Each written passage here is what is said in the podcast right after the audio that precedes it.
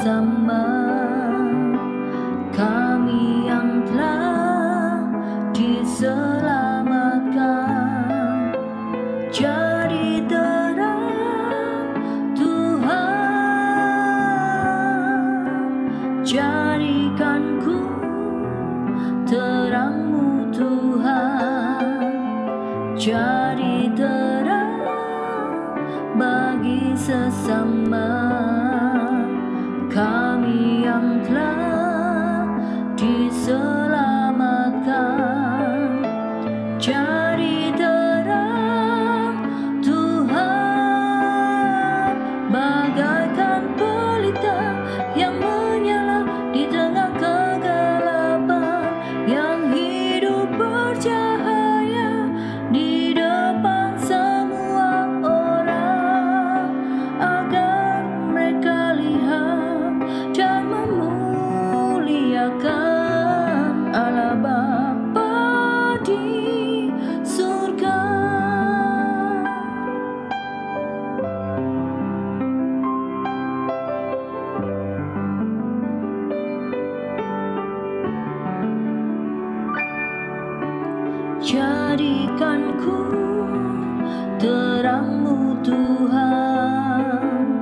Jadi terang bagi sesama.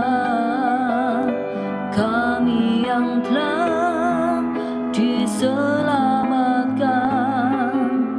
Jadi terang Tuhan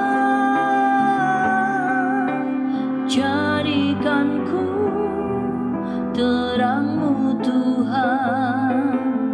Jadi bagi sesama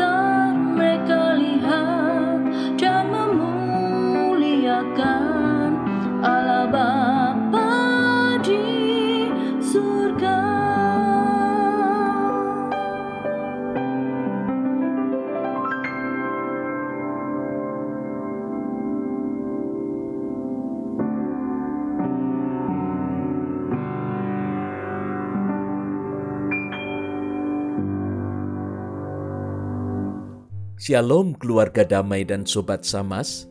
Sapaan Damai Sejahtera 12 Januari 2022 mengangkat tema Mata Pelita Tubuh.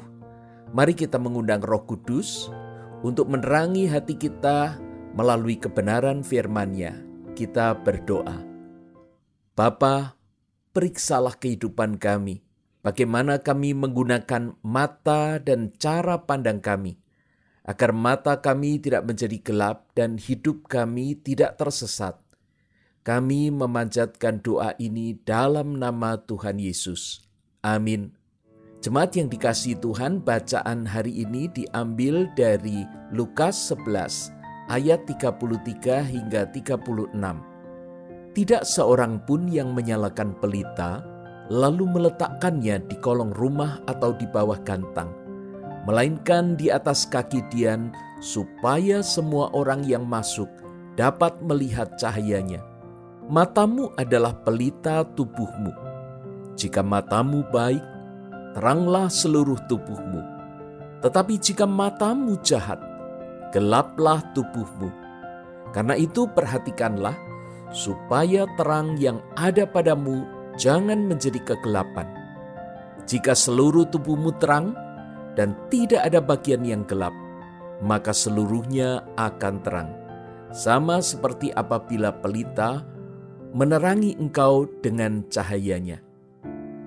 Jemaat yang dikasihi Tuhan, Ibu Eva dan Ibu Elizabeth baru saja mengantar kita memasuki renungan ini dengan pujian Jadikanku terangmu Tuhan. Pujian ini sekaligus menyadarkan kita Benarkah itu kerinduan kita?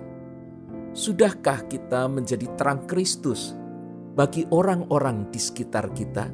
Bagian firman hari ini bukan hanya berbicara tentang fungsi faal organ tubuh, di mana mata menangkap apa saja yang dilihatnya, lalu dengan spontan merespon tanpa berpikir atau membedakan bagaimana seharusnya merespon dengan benar. Jika ini yang terjadi, maka pemilik mata akan merasa semua spontanitasnya selalu benar.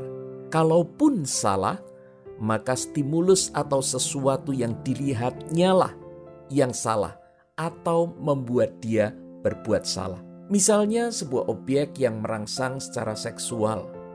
Ini akan dianggap sebagai penyebab dari pemilik mata terangsang bahkan melakukan tindakan seksual atau sebuah barang berharga yang tertinggal atau tergeletak sembarangan dianggap sebagai penyebab orang lain mengambil atau mencurinya.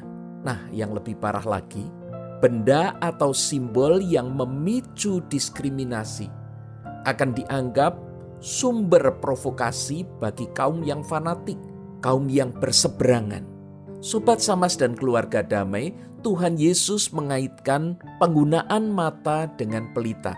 Pelita yang digunakan untuk menerangi ruangan harus diletakkan di tempat yang tinggi dan tidak terhalang. Orang yang menyalakan pelita tidak akan meletakkannya di kolong atau di bawah tempayan, melainkan di atas kaki Dian, sehingga menerangi seluruh ruangan. Tuhan Yesus mau mengingatkan bahwa penggunaan mata bukan hanya tentang mekanisme menangkap objek, tetapi juga mindset yang mempengaruhi cara pandang seseorang. Mindset inilah yang mempengaruhi gelap terangnya mata, seperti letak pelita yang mempengaruhi optimalitas cahaya dalam menerangi ruangan itu. Dalam contoh tentang objek yang merangsang secara seksual tadi, bagi orang yang berprinsip bahwa hal itu tidak seharusnya dilihat, maka dia akan segera mengalihkan pandangannya, bahkan menghapus memori buruk yang bisa mengganggunya, atau melihat barang berharga yang tergeletak tanpa pemilik. Maka seorang yang memiliki empati akan membayangkan bahwa sang pemilik sedang mencari barang berharganya, sehingga dia akan berusaha membantu untuk menemukan sang pemilik. Terang itu bisa menjadi gelap.